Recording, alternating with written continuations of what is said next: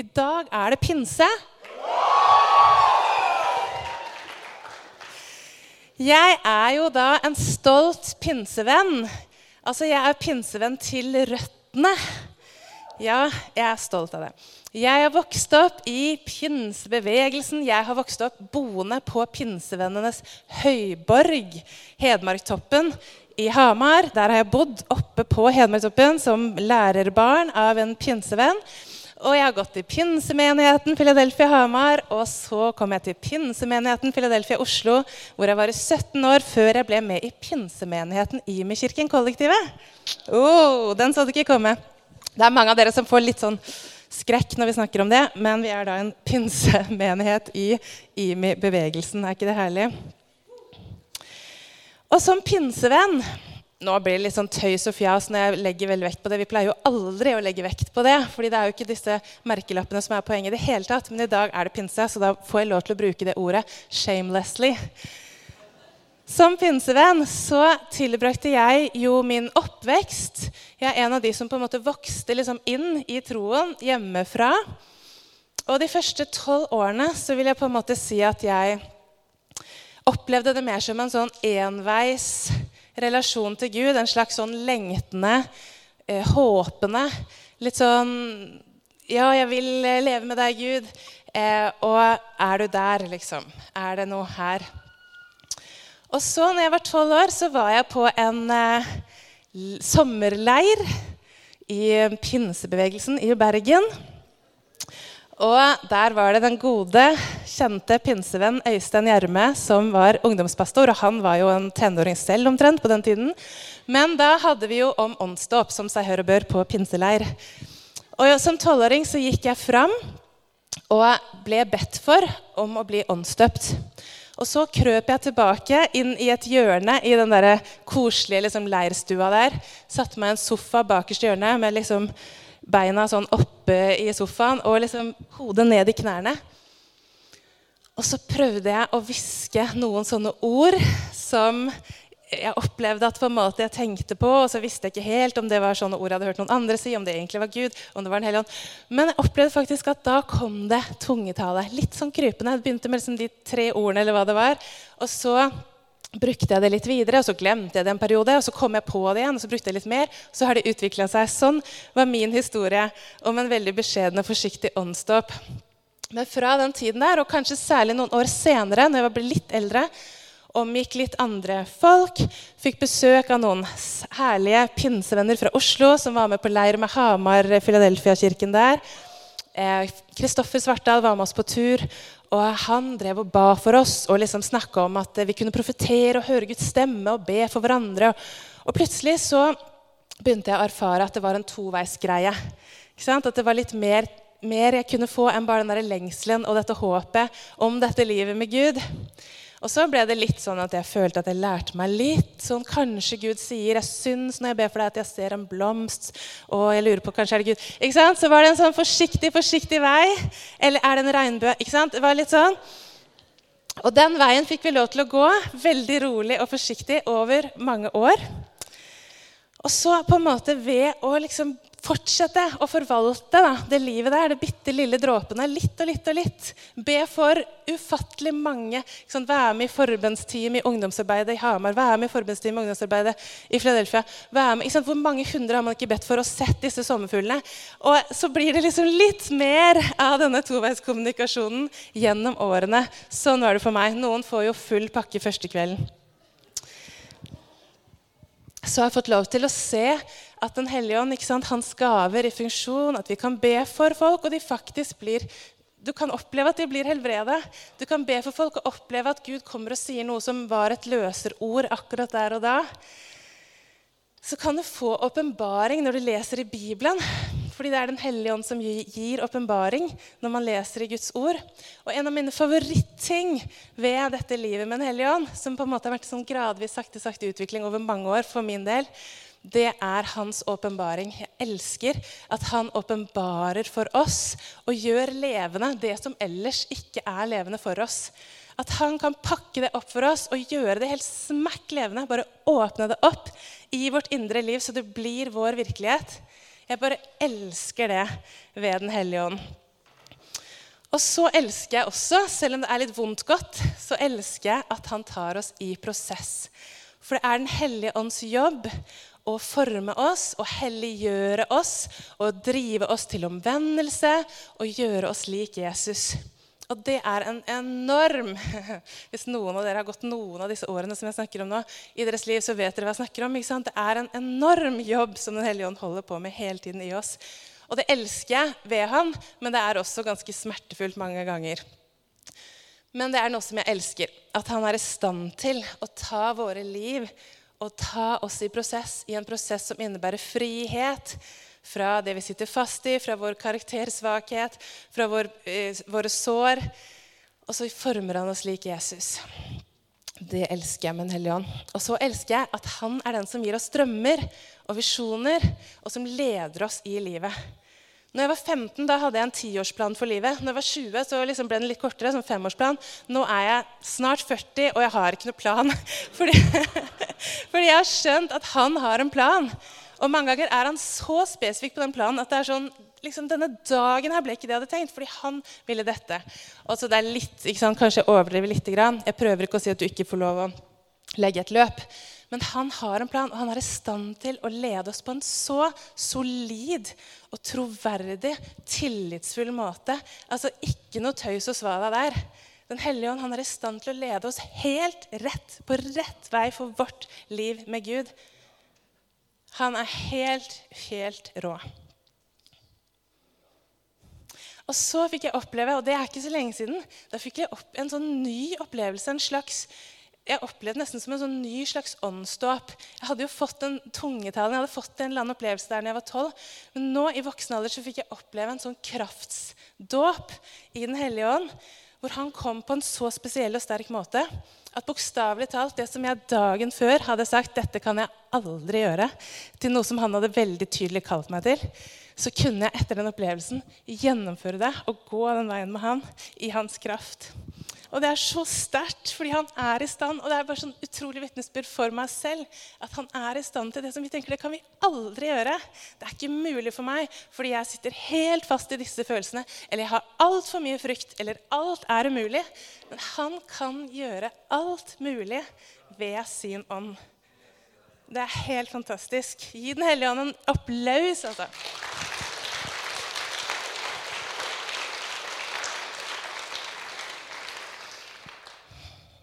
Det var liksom litt sånn mitt vitnesbyrd sånn innledningsvis. Men har du prøvd å være en kristen en stund? Og hvordan går det? Jeg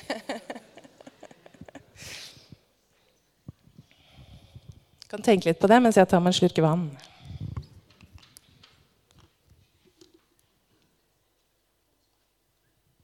Hvordan får du det til, det kristne livet? Vet du hva? Det er det som pinsen handler om. Pinsen er nemlig svaret. Pinsen er nødhjelpen. Pinsen er planen. Planen til Gud for hvordan skal det gå til at vi kan leve det kristne livet. For planen til Gud og hele svaret på hvordan det skal være mulig for oss å leve et sånt her liv, det er Den hellige ånd. Så dere vet, og jeg skal sånn kort fortalt, og Hans Magnus leste til og med litt om det her innledningsvis, så vet vi det at når Jesus hadde vært på jorda, han hadde gått her, han hadde vist hvordan Gud er i, ved bare hele sitt liv. Og så får disiplene se det, de får være med på det, de får følge med han på det. Og så får de se at Jesus blir tatt opp ikke sant? Bare det er jo helt vilt. Tenk deg å se Jesus fare opp gjennom skyene og bli borte. Og da kan jeg tenke meg at noen av de var overklare for å bare liksom Ok, nå er det sprint time. Nå er han, ok, han er oppe, liksom. Vi vet hva vi er her for. Vi har blitt utrusta. Vi har fulgt med ham nå i tre år. Det er vi som er gjengen, liksom. Come on. Og Vi pleier alltid å si at de var så redde og gjemte seg. og sånn, Men det vet vi egentlig ikke. Men de var der på øvre salen. Men jeg tror at noen av de var sikkert overklare da for å sette i gang med det oppdraget de hadde blitt trent til i tre år. Men Jesus han sa, før han dro, så sa han nei, nei, nei. For all del ikke sett i gang med oppdraget på egen hånd. Ikke gjør det. Ikke prøv på det. Stopp. Hold tilbake. Gå og vent på det jeg skal sende dere. Dere må vente, sier Jesus. Ikke prøv. Fordi Jesus han visste jo det, at hvis den gjengen der som han hadde hengt med tre år Han hadde hengt med de òg, ikke bare de hadde hengt med han. Han visste jo veldig mye om den gjengen der. Og han visste at hvis de stikker nå på egen hånd, sånn som de er, og drar ut der og skal være liksom meg i verden It's not gonna be pretty. Da kommer de ikke sant, med sitt veldig begrensa perspektiv som vi ser, De hadde en veldig begrensa forståelse av hele greiene. De stilte veldig sånn grunnleggende spørsmål hele den perioden de var med Jesus. Da kommer de med sine egne konklusjoner, de kommer med sine begrensa gaver og egenskaper. De kommer med sin lille krangling om hvem som er den største, og hvem som er lederen. De kommer med greiene der, og de kommer uten noen kraft til å forvandle. Og så skal de liksom være Jesus der ute. Hallo, det ikke gjør det. At de hadde sett han og gått med han, at de hadde lest i Bibelen og vært på alle møtene, det var ikke nok. Det ville ikke ha gjort nytten. Fordi Jesus han måtte ta av det som var inni han. Og så måtte han gi det, så de fikk det inni seg for at det skulle være noen sjans for at de kunne gå rundt og så leke kristne og gjøre greiene. Og så vet vi at det skjedde, og det ble lest her når vi starta i dag. Så jeg trenger ikke å lese det igjen. Men så kom pinsedagen. Så kom Den hellige ånd. Så kom han som en ild. Og så vet vi at da ble de faktisk forvandla. Disiplene ble forvandla. Og det, jeg synes det er bare helt bemerkelsesverdig å lese om f.eks. Peter. Hva som skjedde med han. I det øyeblikket så trer han fram, og så bare taler han om den Han bare ser hele sammenhengen. Det er ikke bare det at han taler i nye tunger, at de plutselig har kraft, at det skjer ting som er helt utenfor deres evner.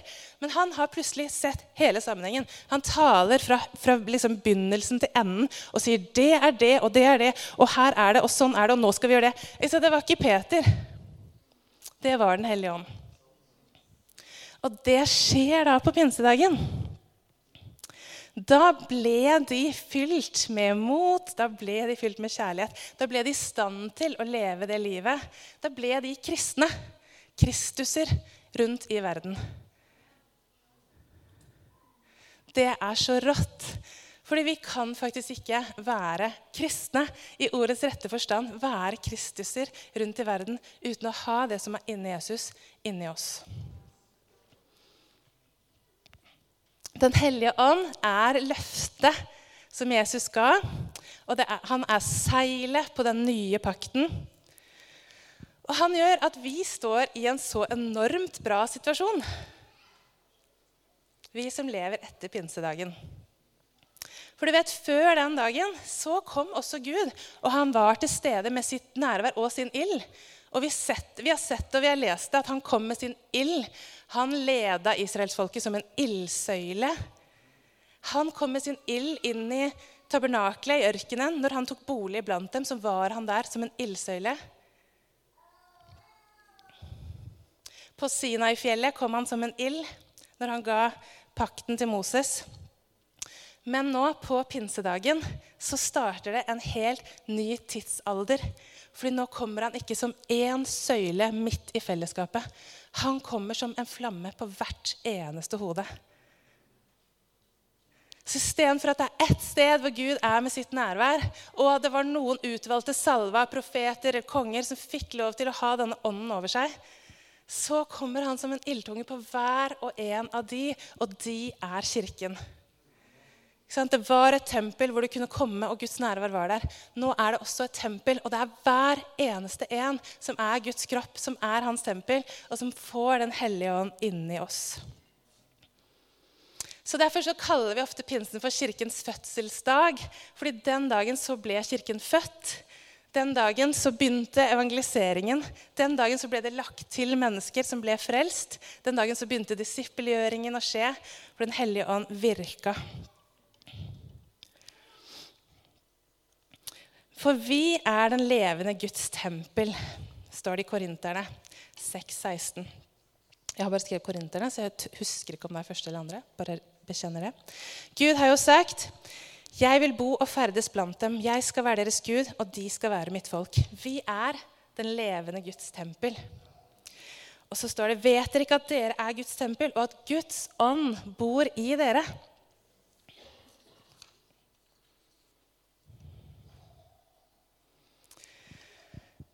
Den hellige ånd er gaven som Jesus lovte disiplene før han dro. Og han sa at det var bedre for oss at han dro, så vi kunne få Den hellige ånd. Og akkurat sånn som Jesus er liksom det sanne bildet, det sanne, fulle og hele bildet av hvem Gud er, i én person, så er Den hellige ånd manifestasjonen av hvem Gud er, i alle oss. Det høres kanskje litt sånn voldsomt ut, men vi er faktisk kalt til å være, bli sånn som Jesus er. Han er den førstefødte av mange søsken, og vi er kalt til å bli sånn som Jesus er. Men det er ikke mulig å være sånn som Jesus er, sånn som Gud er, uten ved Den hellige ånd. Det er ikke mulig å bli lik Jesus uten Den hellige ånd. Dem som han på forhånd har vedkjent seg, har han også på forhånd bestemt til å bli formet etter hans sønns bilde, så han skulle være den førstefødte blant mange søsken. Det her er en sånn mission statement fra Gud. Hva er det han driver med med oss? Hva er det han driver med i livet vårt? Ja, vi er her for at verden skal få høre om han, for at de skal få bli frelst. Og så hva er det han driver med med oss? Hva er det han gjør med oss? Jo, han driver og former oss etter sin sønns bilde.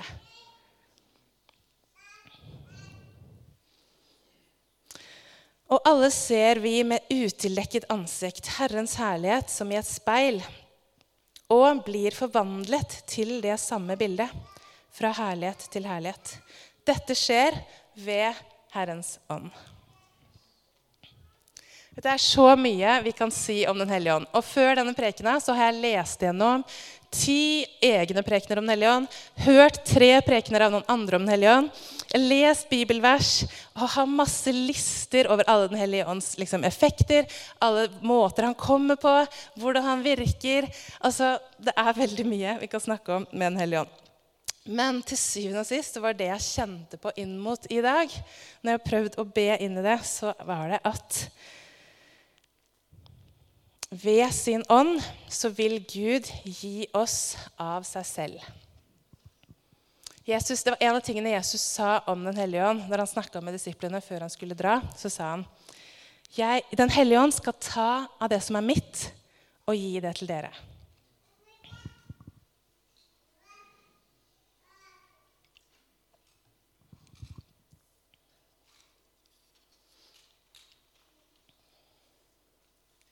Og For meg så er det bare sånn, et så håpefullt løfte. At Den hellige ånd skal ta av det som er Jesus sitt, det som er Gud sitt, og gi det til oss. Det er så håpefullt. Fordi jeg, bare, jeg vet jo at alt jeg trenger og lengter etter, er jo i Gud. All den freden som jeg kjenner at jeg trenger i livet mitt, den er i Gud. All den styrken som jeg trenger i hverdagen min, den er i Gud. Håpet som jeg trenger, er i Gud. Visdommen, ledelsen, svarene, kraften, gjennombruddet, gleden. Motet til å være et vitne, til å åpne munnen min og snakke når jeg er redd. Når jeg frykter for kritikken og responsen. Kraft, rett og slett kraft til å være et vitne for Han. Alt det er i Gud. Det får jeg ved Han. Villigheten til å legge ned mitt eget liv, det får jeg bare ved Han. Jeg kan i teorien være enig eller beundre de som gjør det. Jeg beundrer vekkelseshistorien, de som bare steppa ut og la ned sitt eget liv og fikk massiv kritikk underveis. Og så etterpå blir de kalt helter. Har lagt merke til det? Det er veldig interessant. Alle sammen, alle de som gikk ut og brøt igjennom, de fikk massiv kritikk underveis. Du finner ikke unntak. Og så er de helter etterpå. Men for Gud så er de helter hele veien. Men villigheten til å gjøre det i praksis, ikke bare beundre det eller lese om det eller tenke at eh, f.eks. de som er martyrer for Guds rike liksom Gud gjør meg villig, gjør meg i stand. Det kommer ved Den hellige ånd.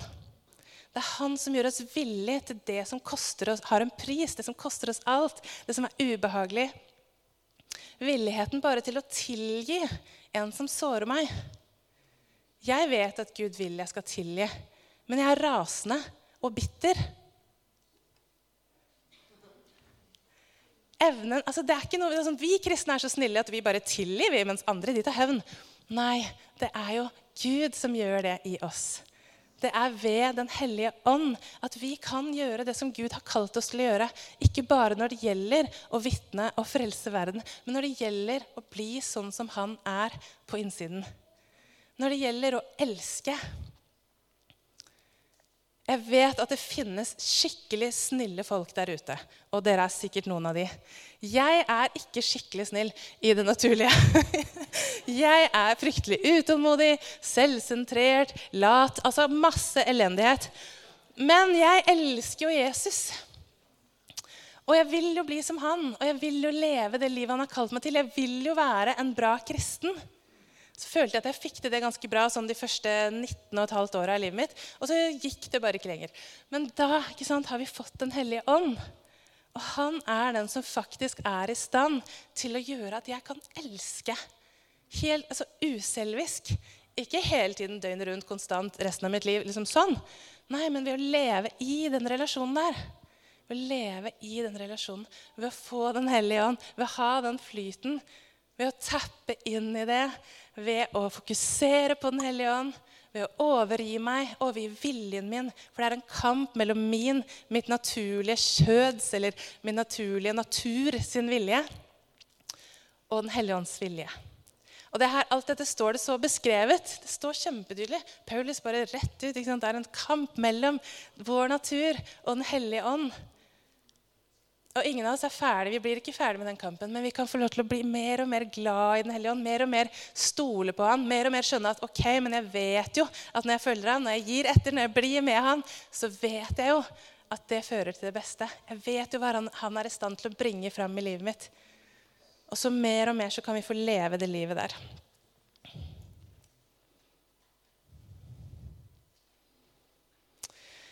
I det verset, det ene som vi leste, når det står at vi blir forvandla til hans bilde, fra herlighet til herlighet, og det skjer ved Den hellige ånd Det ordet 'forvandla' som står der, det er ordet 'metamorfose'. Det har du hørt om, ikke sant? Og det er en sånn total forvandling.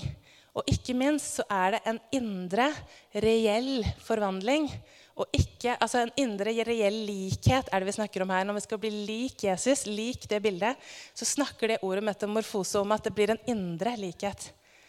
En faktisk likhet på innsiden, og ikke et skinn av likhet. Eller et ytre likhet. Og Den forskjellen der, det er på en måte forskjellen. Fordi at vi kan jo prøve iherdig å se kristne ut og virke kristne og gjøre fine ting, være så snille vi klarer gjøre de rette oppgavene, lese, liksom, ha tidene våre, gå på møtene våre. Vi kan jo prøve alle disse tingene veldig, veldig bra. Og så er det ikke nødvendigvis sånn at det gjør oss reelt lik Jesus på innsiden. Det er sånn som med de disiplene. De hadde jo vært med ham, de hadde jo lagt ned livet sitt, sluppet tak i fiskegarna, fulgt etter han, ofra alt. Gjort Jesus sine greier i tre år på rad. Vært helt innpå han dag og natt, bodde sammen, levde sammen. Men den indre, reelle likheten med Jesus, den kom først ved Den hellige ånd. Ikke ved vårt strev og ikke ved vår ytre ytre imitasjon eller ved iherdige forsøk og selvdisiplin kan vi bli sanne kristne.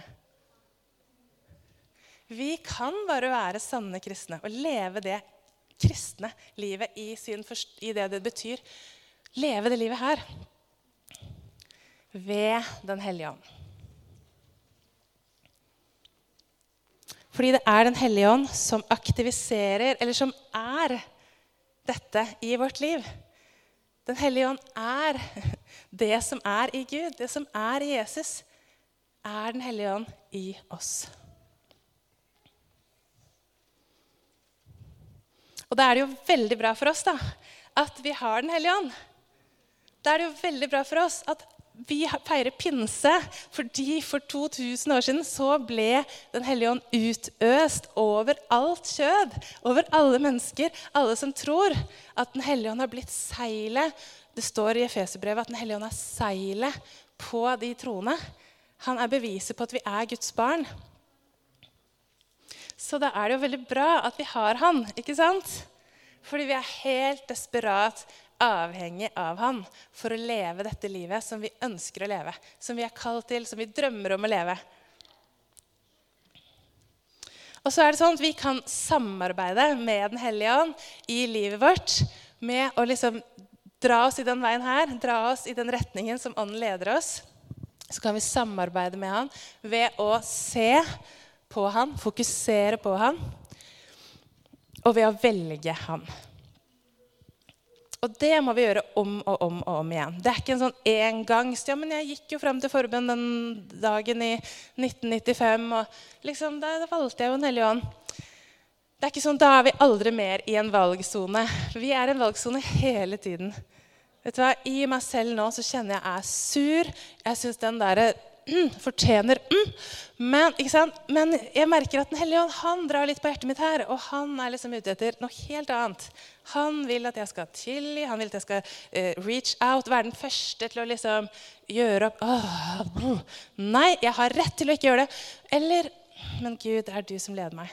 Altså, sånne kamper eller noe helt annet. Jeg er litt frista til at hvis jeg bare fikser litt på disse tallene her nå, så vet det blir litt mer penger på kontoen. Ingen vil merke det.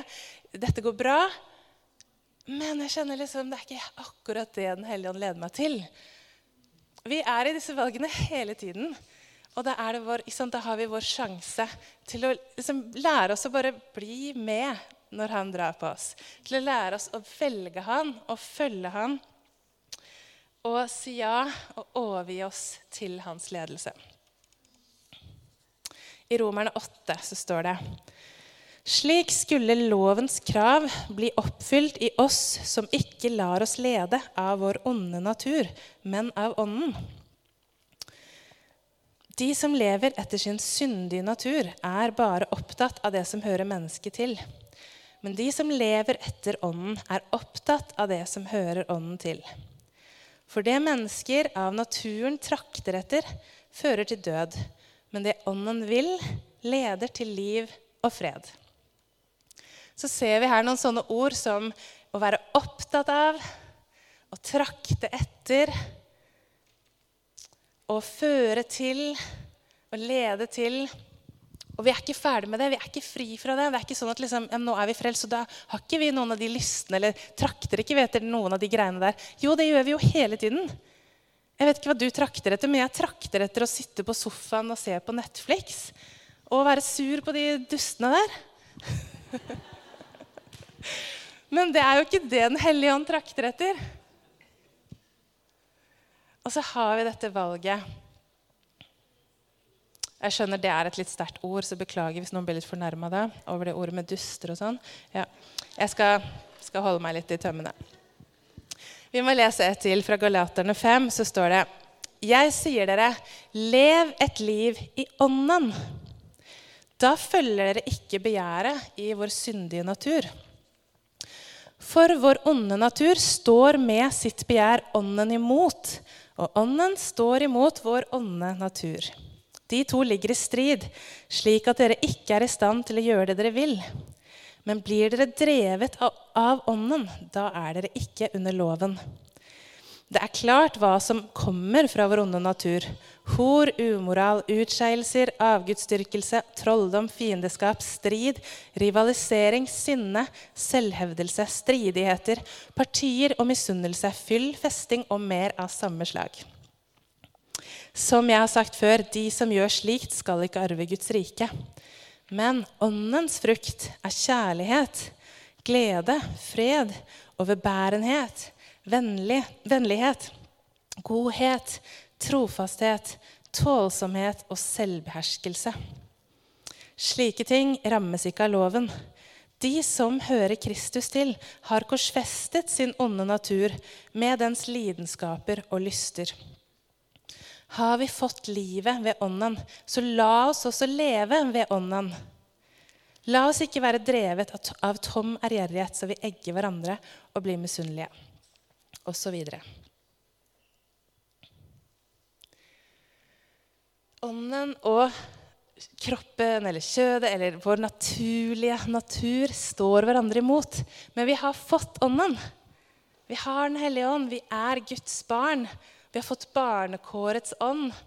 Han har satt seilet sitt på oss, og så får vi lov til å bli kjent med han og bli enig med han og velge å trakte etter det som han trakter etter.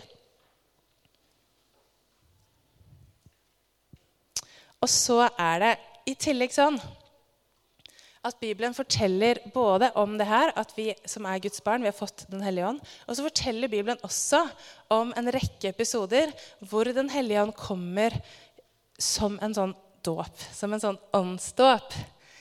Hvor Den hellige ånd eh, kommer på en måte som fører til synlige konsekvenser, som fører til tungetale, som utruster med kraft til tjeneste. Og vi ser at Eh, det ofte skjer på to måter. Det ene er at han, Den hellige ånd bare kommer fra himmelen. Ikke noen involverte, ingen liksom spesiell handling involvert. Annet enn kanskje forkynnelse. Og så ser vi at han kommer ved håndspåleggelse. Og På de to måtene så er det ofte at Den hellige ånd kommer med en sånn som vi gjerne kaller for åndsdåp. Og jeg har ikke liksom tenkt eller forberedt at jeg skal ha en sånn utleggelse, en stor utleggelse av åndsdåp. Men jeg har lyst til å nevne det fordi at det her å bli fylt og bli døpt i Den hellige ånd, det er noe som vi ser igjen og igjen i Bibelen og i hele kirkehistorien. At det har gjort sånne enorme forandringer i menneskers liv. At det har gjort liksom snudd historien opp ned, både for enkeltpersoner og også i den store sammenhengen det at Den hellige ånd kan komme på en sånn måte Komme som ild på hodene våre, komme som, en, eh, som regn, komme som en storm. Eh, på pinsedagen så kom han jo som en sånn storm. Det hørtes ut som en storm, og så kom han som en ild.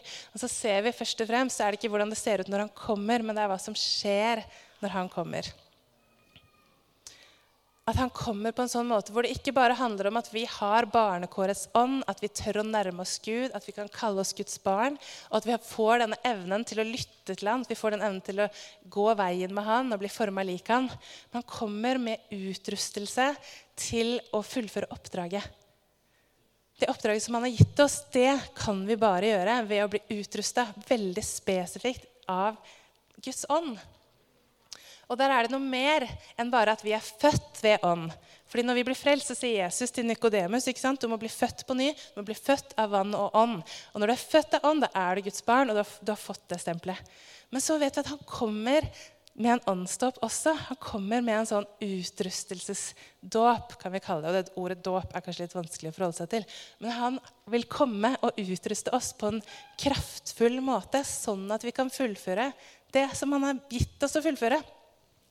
Og i det generelle så betyr jo det liksom å fullføre oppdraget på jorda. ikke sant? Å være vitner for han, Å ha kraft til å vitne, ha mot til å vitne.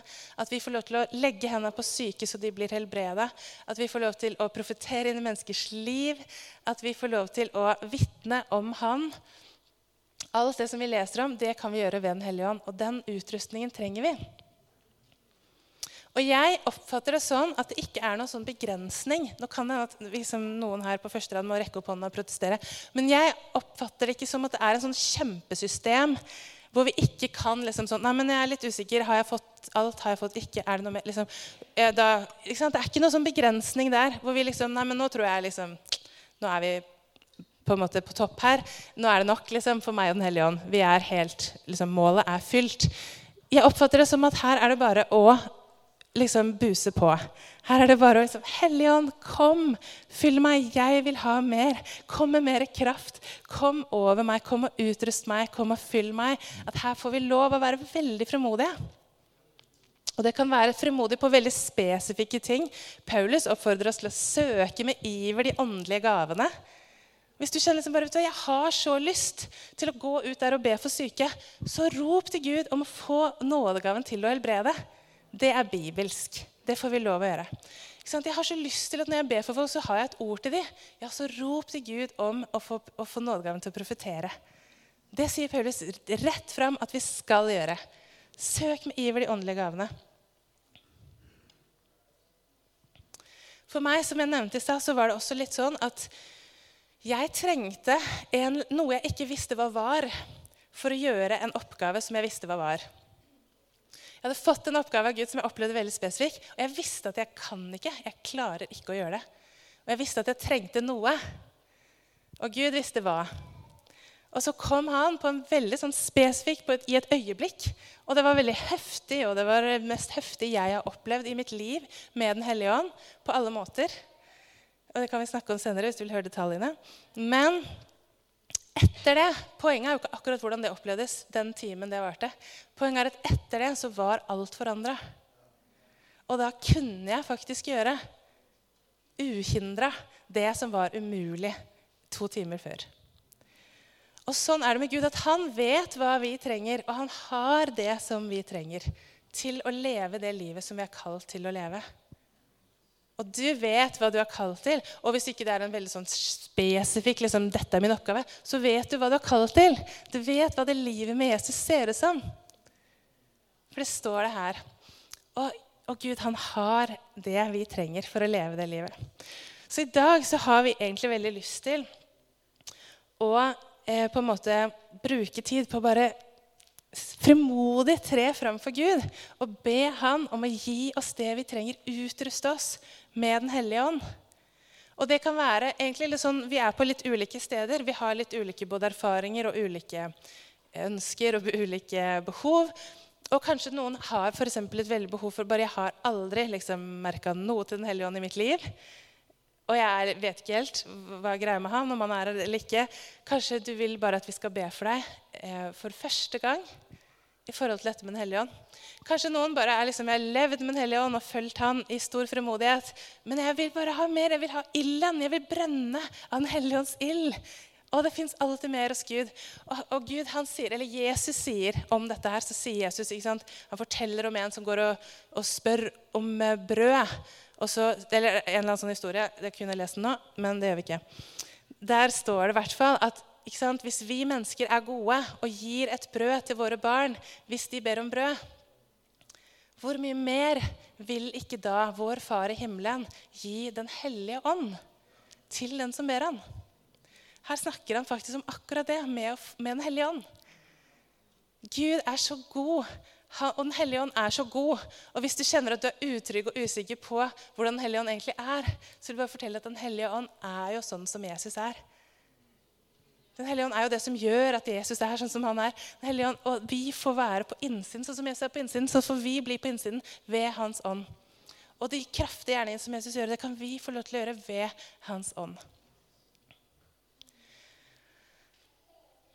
Så vi hadde egentlig bare lyst å eh, åpne litt opp. Og åpne egentlig I dag så tenkte jeg at vi skal bare ha forbønnen her framme.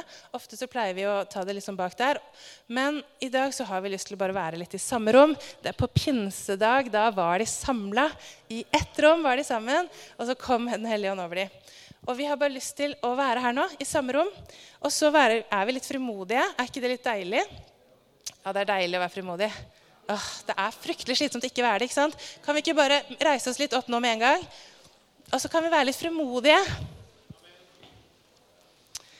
Og så kan vi gjøre sånn at hvis du lengter etter noe fra Gud, så får vi det ved Den hellige ånd.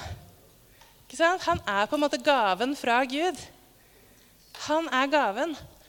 Og så kommer det, liksom, Han er bare så mye ulikt, så mye godt, som, han, som Gud har lyst til å gi til oss sine barn, som han elsker, og som han ønsker å utruste, som han ønsker å styrke, som han ønsker å hjelpe. Så hvis du kjenner at du har lyst på noe av Den hellige ånd i dag, så kan du komme fram, og så kan vi bare bruke masse tid på å rope ut Den hellige ånd og rope ut til, til Gud om å få denne gaven. Og eh, så har vi noen forbedere, men vi har kanskje ikke liksom 40 av de. Men dere som vet at dere er huskirkeledere, eller som er i lederteamet, eh, lovsangsledere og sånn, kan gjerne bli med og bare komme frem og legge hender på folk og velsigne de. Og, og så ber vi sammen om at Den hellige ånd skal komme og så få lov til å gjøre sitt gode verk i oss. Og så vil jeg bare si det også, at noen ganger så kan vi ha sånne inntrykk eller sånne tanker av hvordan noe skal se ut, og hva det er det ser ut som, det som vi venter på. og sånn. Vi vet ikke hva det ser ut som. Gud han kan få lov til å gjøre det som han vil.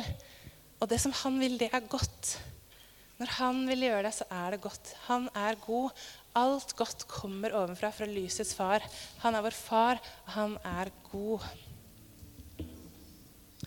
Så kan bare egentlig begynne å komme frem nå. Så skal jeg bare begynne å be litt, og så kan vi begynne å lovsynge litt. Og så uansett om du ikke kommer frem, så bare liksom vær i lovsang og vær innenfor Gud. Um, ja. Pappa Gud, jeg takker deg for at du er en god pappa. Du er en god far. Og du lengter så inderlig etter å øse utover oss av din godhet. Du vil øse utover oss av Den hellige ånds gave. Og vi bare ber deg nå du skal komme og øse Den hellige ånd utover oss og vekke opp i oss de gavene som vi trenger for å leve dette livet her sammen med deg. Vi ber om å få oppleve din glede. Vi ber om å få oppleve nytt håp. Vi ber om å få Den hellige ånds gaver. Vi ber om å få tale i nye tunger, så vi kan kjenne dine hemmeligheter og kjenne at det strømmer en ny elv i vårt indre. Vi ber om å få profetere når vi går ut og snakker med folk. Herre, vi ber om å få se at mennesker blir helbredet. Vi ber om å få en ild som driver oss, sånn at ikke vi ikke driver oss selv bare av disiplin, men at vi får lov til å være drevet ved din ånd. Vi ber om at du skal gi oss visdom og kunnskap. Vi ber om at du skal fylle oss med kjærlighet. Utøs din kjærlighet, så vi kan legge ned våre liv. For det kan vi ikke selv, men gjør det i oss, du. Helligånd, du er så velkommen til å komme. Helligånd, du er så velkommen. Vi roper ut etter deg, Helligånd. Kom og så fyll, av det øke i vårt indre. La øke, sånn at vi må legge på svøm. Sånn at det ikke er et tørt liv vi lever med deg, men sånn at vi får svømme i din elv. Bare vær frimodig og kom fram, så er vi, er vi i gang. Og så ber vi sammen, og så kan du be med de du står i benkene hvis du vil det. Og så trenger det ikke å være en veldig spesifikk ting heller som du ønsker deg, men du vil bare ha mer av Gud. Så kan vi godt samles her framme alle sammen etter hvert hvis, dere, hvis alle er tørste på mer.